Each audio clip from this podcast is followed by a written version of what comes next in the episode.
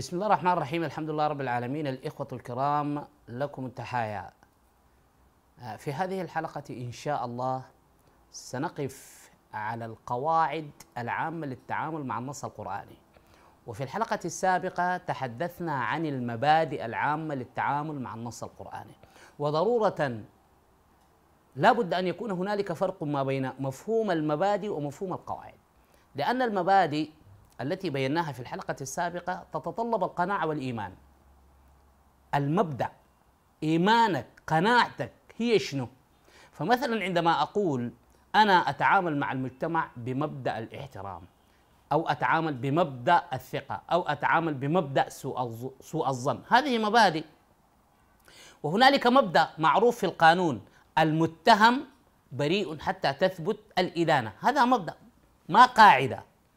أما القواعد هي عبارة عن مناهج ومعايير أدوات أنت بتتعامل بها مع النص القرآني بتستقيها من النص نفسه.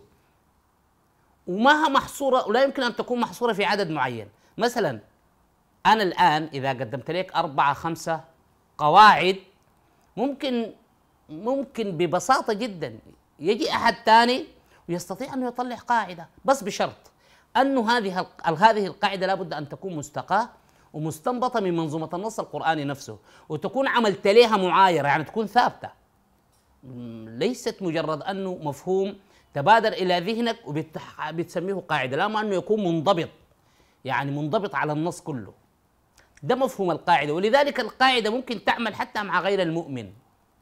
يعني باختصار لو في حد ملحد واشتغل بالقواعد دي في النص ممكن يصل لنتائج. يصل لنتائج بتاعت أحكام يصل نتائج لفقهية يصل لنتائج مفاهيمية. دي قواعد. أول هذه القواعد الرسم التوقيفي في القرآن الكريم يحمل دلالات ومعاني وليس عشوائي وليس اعتباطي وليس من خط الخطاطين.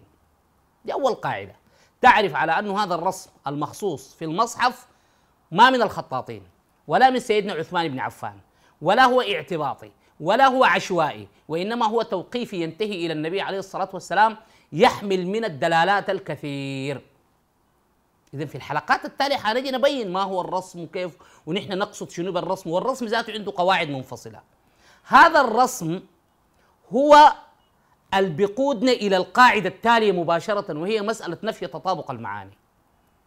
ودي هذه هي القاعدة الأم والركن الركين في كل ما يطرح كل هذا البرنامج قائم على هذه القاعده فإن بطلت بطل كل ما قلته لكم.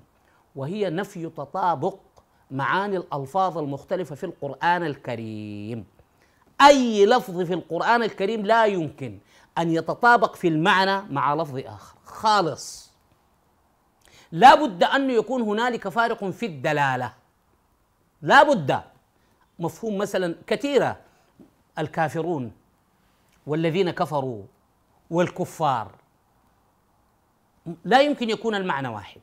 في كفار ينتمي للكافرون وفي كفار ينتمي للذين كفروا وفي كافر ينتمي للكفار. فتجد الكفار في القرآن دائما هم المحاربون. جاهد يا أيها النبي جاهد الكفار والمنافقين واغلظ عليهم واغلظ عليهم. قاتلوا الذين يلونكم من الكفار. محمد رسول الله والذين معه أشداء على الكفار. لما جاء يتحدث عن الكافرين أو عندما أراد أن يتحدث عن الكافرين أو الكافرون قال لكم دينكم ولي دين. اذا ديل ما محاربين وديل معتدين. الذين كفروا هو الإطار العام لكل صاحب الكفر. يعني الذين كفروا بتساوي الكفر زائد الكافرون زائد الكفار. كلها بتدخل بمفهوم الذين كفروا. لأنه عندك ثاني الذين آمنوا عندك المؤمنون. المؤمنين شرطا يكونوا قد عملوا الصالحات. يعني الذين آمنوا براها ما بتحقق لك هدف أو ما بتحقق لك مثلا بغيه بدخول الجنة إلا ترتبط بعمل الصالحات. لأنه الذين آمنوا بس ممكن يخونوا الله ويخونوا أماناتهم. لكن المؤمنون هم اللي حققوا الذين آمنوا زايد العمل الصالح. لأنه لما جينا لسورة المؤمنون بنجد الآيات قد أفلح المؤمنون الذين هم والذين هم والذين هم. دي صفاتهم. هذا التفريق في الدلالات هي القاعدة الأم الركن الركين في كل ما نطرحه اللي هي نفي تطابق المعاني. والمدخل لها هو مسألة الرسم القرآني كما سنتطرق لهذه القضية لاحقا. لأن في القرآن أنا في القرآن سوف أجد أن هنالك كلمة ذات منطوق واحد اختلف رسمها من سياق لسياق. أدى إلى اختلاف في المعنى. القواعد من النساء اللاتي لا يرجون نكاحا وإذ يرفع إبراهيم القواعد من البيت. تجد كلمة القواعد هنا مرسومة بشكل مختلف. في دلالة حنبينها إذا من المستحيل كلمة تختلف عن الأخرى في الرسم وفي اللفظ والمنطوق والتركيب ومن ثم تتطابق في المعاني هذه القضية يجب أن تنفى لأنها ما ليست مجرد نظرية وإنما يقين. القاعدة الثالثة طيب نجد القاعدة الثالثة. القاعدة الثالثة الثالثة الاشتقاقات والتفرعات اللفظية من الكلمة الواحدة تشترك في المعنى الأصل ويمكن أن تختلف في المفهوم. يمكن أن تختلف في المفهوم ويمكن ما تختلف لكن لا بد أن يكون هنالك معنى أصل ثابت مثلا تفرعات كلمة النشوز كلمة النشوز جاءت مع الأزواج وجاءت مع العظام وجاءت في المجالس. لا بد أن يكون في معنى أصلي ثابت يجمع بيناتهم قسم مشترك. كلمة جنب فبصرت به عن جنب وهم لا يشعرون. والجار الجنب وإن كنتم جنبا فطهروا يعني ما ممكن تقول لي الجار الجنب؟ الجار القريب لك وبصرت به عن جنب من مكان بعيد. والجنب وإن كنتم جنبا فطهروا هو الشخص الذي خرج منه المني سواء كان في الاحتلام أو مجامعة الزوجات. وين القاسم المشترك؟ ما هي كلها جنب. جنب هنا وجنب هنا وجنب هنا. المعنى المشترك بيناتهم شنو؟ ضرورة هذه القاعدة تحتم أنه يكون في معنى مشترك. إيه كلمة جنب هنا تتوافق مع كلمة جنب هنا تتوافق مع كلمة جنب هنا. حتى ولو كان التوافق في المعنى يكون معنوي. يعني ما شرط يكون حسي. ولو نحن دايرين نشرح مفهوم جنب ممكن الحلقة كلها تروح. كلام دك... هذه الأمثلة يمكن س... يمكن أن نتعرض لها في بقية الحلقات عبر هذا التسلسل. القاعدة الرابعة بتقول المركبات اللفظية المشتركة بين السياقات تحمل مفهوما متسقا. ماذا يعني هذا الكلام؟ كتب عليكم كتب عليكم القتال كتب عليكم القصاص كتب عليكم الصيام. كتب عليكم إذا حضر أحدكم الموت ترك خيرا الوصيه أنا عندي المركب اللفظي كتب عليكم. لا بد جميع المواضيع التي ابتدأت بكتب عليكم تكون متسقة على اتجاه مفهوم واحد. يعني ما كتب عليكم واحدة فرض عليكم. وكتب عليكم الثاني مش عارف معناها شنو. وكتب عليكم الثاني معناها اختيارية. لا. يا تكون كلها ملزمة وموجبة على اتجاه واحد أو تكون كلها قضايا فيها تخيير.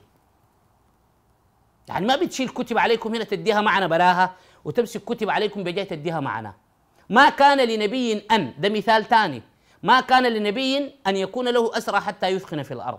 ما كان لنبي أن يغل. يعني ما ممكن تقول لي في الأسرى وقعت المخالفة من النبي.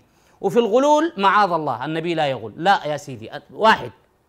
إما أن يكون الموضوع ما حصل لا في الغلول ولا في اتخاذ الأثرى من النبي.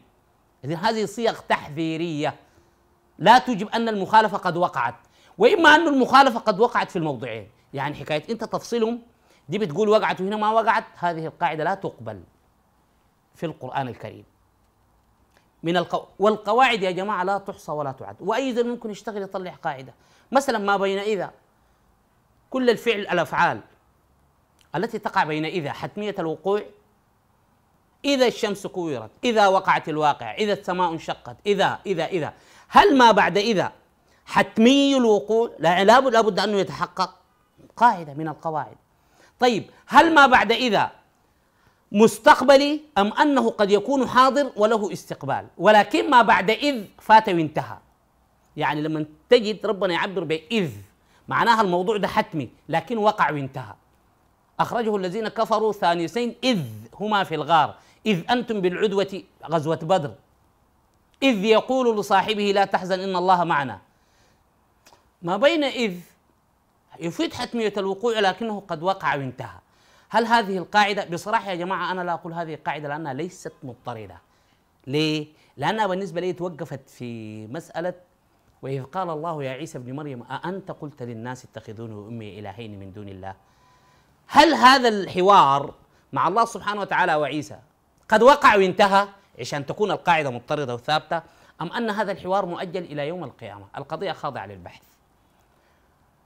وبالنسبة لي قد يكون الحوار قد تم بمجرد رفع عيسى وكده حتكون القاعدة انضبطت. لكن نجد في السياق الآخر قال الله هذا يوم ينفع الصادقين صدقهم هنا بتوحي على أنه الموضوع مؤجل في الآخرة. إذا أقول ما بعد إذ هو قد وقع وانتهى وليس فيه مستقبل. هذه القاعدة إلى الآن بالنسبة لي ليست قاعدة مضطردة أنا فقط يعني قدمتها لكم من باب أنه من السهل جدا أنك أنت بتجد قاعدة. من السهل جدا بأنك أنك تجد قاعدة. القاعدة الأخيرة مسألة الترادف. يا جماعة أنا في بداية الحلقة قلت لكم التطابق. الذي يجب ينفى عن القرآن هو التطابق ما الترادف. للأسف معظم المفكرين. القرآن ما فيه ترادف نفي الترادف عن القرآن نفي الترادف. يا جماعة الذي يجب أن ينفى عن القرآن ما الترادف؟ التطابق. التطابق هو أن الكلمتين بيشتركوا في معنى واحد تطابقي. يمكن للكلمة أن تحل مكان الكلمة الأخرى ولا يتغير المعنى. هذا الذي يجب أن ينفى أما الترادف هو اشتراك اشتراك صفتين أو أكثر يعني تتابع صفتين أو أكثر على منصوف واحد. مع الاحتفاظ لكل صفة بدلالة تختلف عن الأخرى. هذا في القرآن موجود. أسماء الله الحسنى وصفاته مترادفات يا جماعة. لأن الذات واحدة. أوصاف متعددة والذات واحدة. كل هذه الأوصاف لها دلالات مختلفة. فإذا سألتك من هو المنتقم حتقول لي الله. طيب من هو الرحيم؟ الله. هل المنتقم والرحيم معنا واحد؟ فهذه صفات مترادفة. أسماء اليوم الآخر مترادفة الصاخة الطامة أسماء النار الجحيم دي كلها مترادفات. فالترادف هو من جماليات القرآن ومن من أسلوب خطابه البديع لكن التطابق هو الذي يجب أن ينفع. هذه القاعدة جدا مهمة. هذه هي قواعد التعامل مع النص ولا يمكن أن تنتهي. يعني ممكن في في أي حد لو مارس التدبر يطلع لنا بها قاعدة. يقول يا جماعة والله أنا مثلا لقيت لكم قاعدة. ها القاعدة بتاعتك بتأدي إلى شنو؟ مثلا يقول آه، كلمة أرادة. عندما تأتي الإرادة بفعل الماضي تعني حتمية الوقوع. وعندما تأتي مثلا الإرادة بالفعل المضارع تعني إرادة شرعية لا تحتم الوقوع أو لا تحتم التحقق. بنفسك الإرادة في القرآن الكريم كلها نعمل لها معايرة. ثبتت أصبحت مضطردة بتتحول إلى قاعدة مباشرة. دي مفهوم القواعد. والناس ما تفتكر أنها نحن دارين نضع متاريس وحواجز زي ما جماعة لا لا لا لا إياهم اللي كان عملوا شروط الاجتهاد. يعني ما تفتكر نحن هربنا من شروط الاتحاد ودايما نضع نضع لك نحن شروط جديدة. لا لا ما شروط. دي قواعد. القواعد دي الشرط فيها. أصلا نحن مشكلتنا مع شروط الاجتهاد شنو؟ شروط الاجتهاد دي وضعت متاريس خارج النص. ما عرفت تكون حافظ كم ألف حديث ما عرف تكون ما عرف حافظ القرآن. لكن نحن القواعد اللي بنقولها ليك دي مستنبطة من داخل النص. يعني ما بتحاكمني فيها أنا بيتحاك النص هو اللي بيحكم عليك ثبتت في النص حبا وكرامة. لم تثبت في النص تضرب بها عرض الحائط. أحبتي الكرام إلى أن ألتقي بكم آه، في حلقة قادمة. أترككم في حفظ الله ورعايته. السلام عليكم ورحمة الله تعالى وبركاته.